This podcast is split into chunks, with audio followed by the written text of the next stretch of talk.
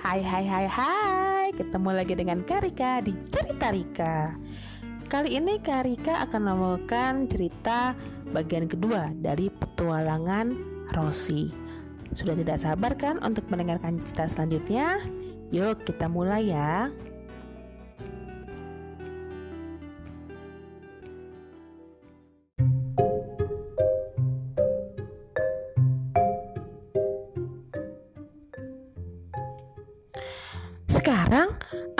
mendaki pegunungan ini dan mencari ayah, pikir Rosi.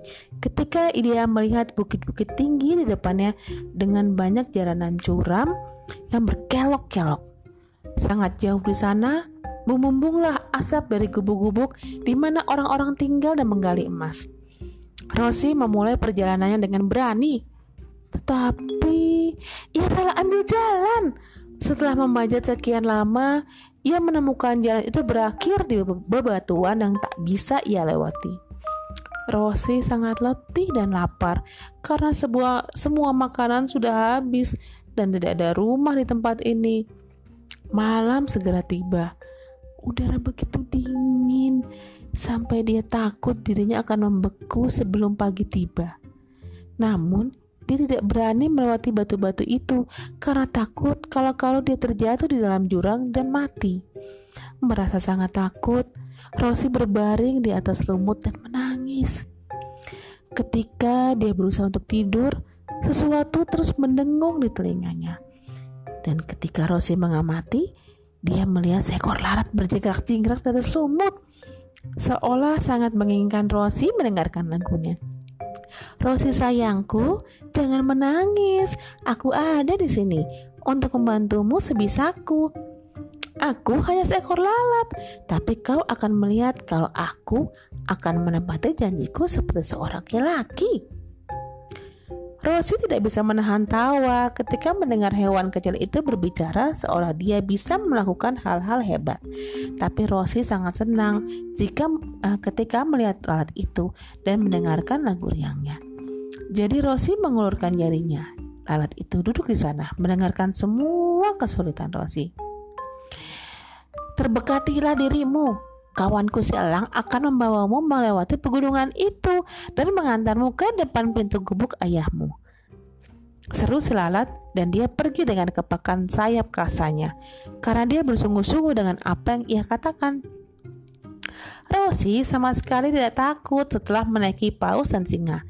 Jadi ketika seekor elang besar menukik turun dan hingga di dekatnya, dia hanya menatap cakarnya yang tajam, matanya yang besar, dan paruhnya yang bengkok dengan tenang, seolah elang itu adalah burung murai. Elang menyukai keberanian Rosi dan berkata dengan ramah dalam suaranya yang parau. Naiklah gadis kecil dan duduklah di antara bulu-buluku. Berpeganganlah dengan erat di leherku, atau kau bisa pusing dan terjatuh. Rosie mendekam di antara bulu-bulu coklat yang tebal dan melingkarkan kedua tangannya di leher si elang. Elang pun mulai terbang, naik, naik, naik, lebih tinggi, lebih tinggi lagi, sampai pohon-pohon terlihat seperti rumput di bawah sana. Awalnya udara terasa sangat dingin. Rosie meringkuk lebih dalam ke tempat tidur bulunya. Ketika mereka sudah lebih dekat dengan matahari, udara menjadi lebih hangat dan Rosie mengintip keluar untuk melihat gubuk-gubuk yang berdiri di puncak gunung. Kita sudah sampai. Semua orang sedang berada di tambang saat ini. Mereka tidak akan naik sampai pagi hari datang. Jadi, kau harus menunggu ayahmu. Selamat tinggal. Semoga beruntung sayangku.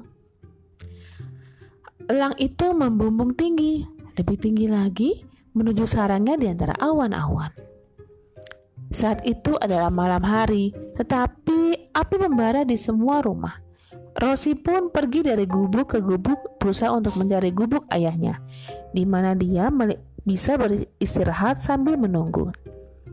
Akhirnya dia melihat sebuah foto gadis kecil yang cantik digantung di dinding.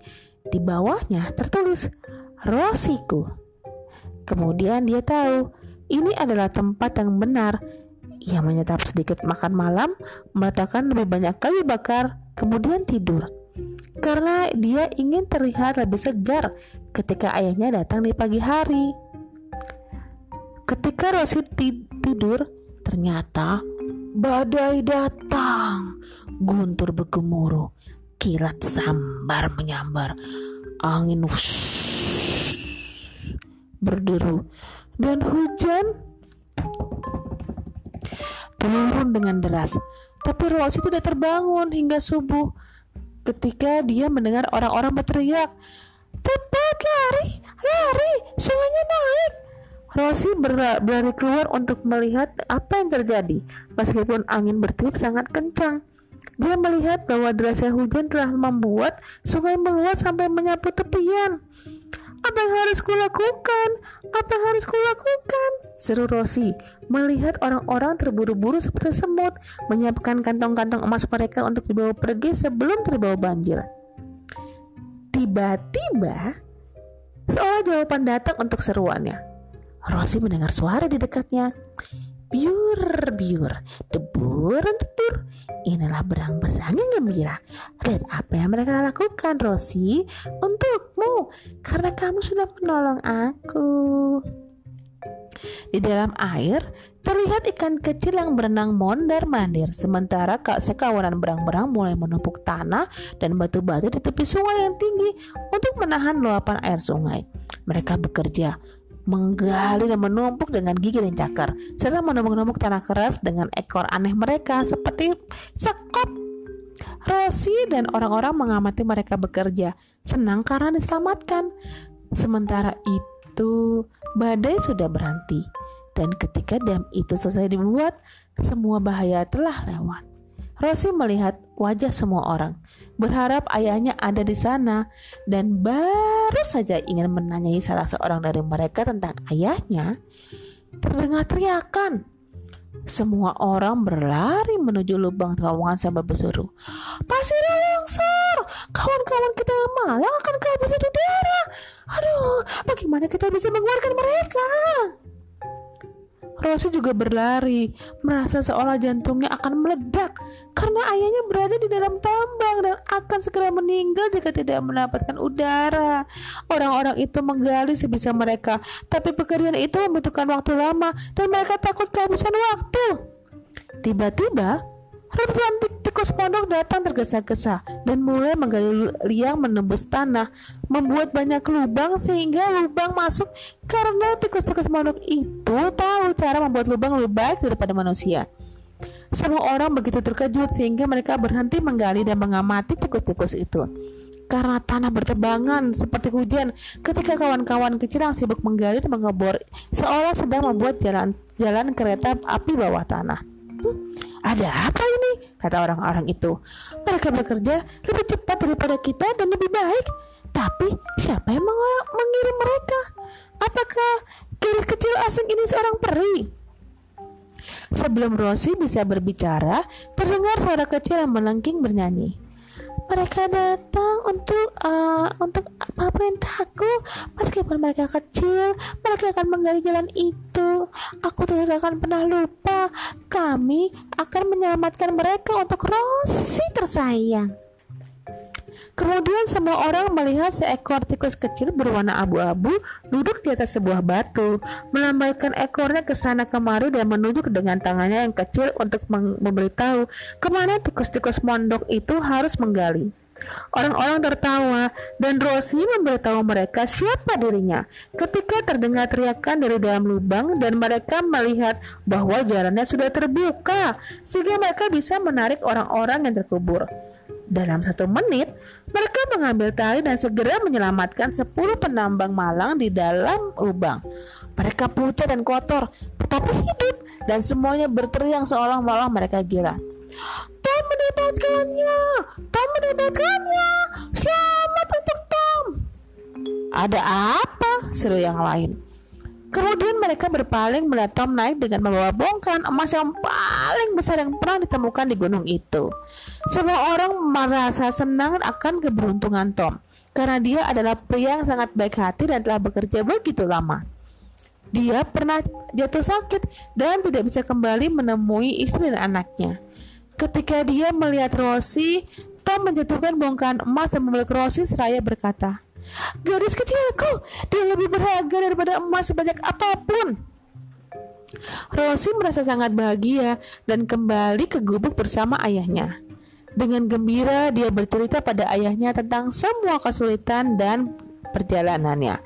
Ayahnya menangis ketika mendengar istrinya yang malang meninggal sebelum dia bisa memiliki semua benda indah yang bisa dibeli dengan emas itu. Kita akan pergi dan hidup bahagia bersama di rumah yang paling menyenangkan yang bisa kucari dan tidak akan berpisah lagi anakku sayang, kata sang ayah sambil mencium Rosie yang duduk di pangkuannya sambil memeluknya erat. Rosie baru saja akan mengatakan sesuatu untuk menghibur ayah ketika seekor lalat hinggap di lengannya dan mendengung dengan keras. Jangan usir aku, Api dengarkan apa yang aku katakan. Orang-orang jahat akan menginginkan emas itu. Mereka akan mencurinya malam ini. Kalian harus segera pergi. Jadi tenanglah dan jangan takut. Hmm, aku takut seseorang akan berusaha mengambil emasku. Aku akan segera membungkusnya dan kita akan menyelinap pergi ketika yang lainnya masih sibuk bekerja. Aku takut kita tidak bisa pergi dengan cukup cepat agar selamat, kata Tom sementara ia membungkus bongkahan emasnya di dalam sebuah tas. Dia terlihat sangat bijaksana, tetapi beberapa teman penambangnya adalah orang-orang yang kasar dan bisa membunuhnya demi emas yang ia dapatkan. Lalat itu bernyanyi lagi menyelinaplah bersamaku? Dan kau akan mengetahui sesungguhnya aku ini makhluk kecil yang bijaksana. Karena jalan yang akan aku tunjukkan tidak ada manusia yang tahu. Jalan itu ada di atas langit dan belum pernah dijelajahi Kemudian mereka semua mengikuti jalan itu eh, menuju sudut sepi yang sepi di hutan. Di sana, si elang dan istrinya sudah menunggu untuk membawa mereka terbang secepat mungkin ke tempat yang sangat jauh sehingga tidak ada yang bisa mengikuti. Rosie dan kantong emas dinaikkan ke Ratu Elang, sedangkan Tom duduk di atas Raja Elang. Mereka pun terbang ke sebuah kota besar, di mana gadis kecil itu dan ayahnya hidup bersama bahagia sepanjang hidup mereka.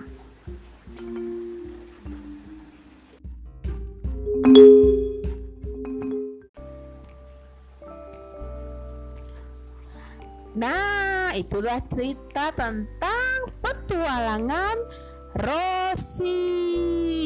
Seru ya? Hmm. Nah, Karika senang akan cerita ini karena Rosi selalu berbuat baik pada siapa pun. Kalian juga ya, mau kan seperti Rosi?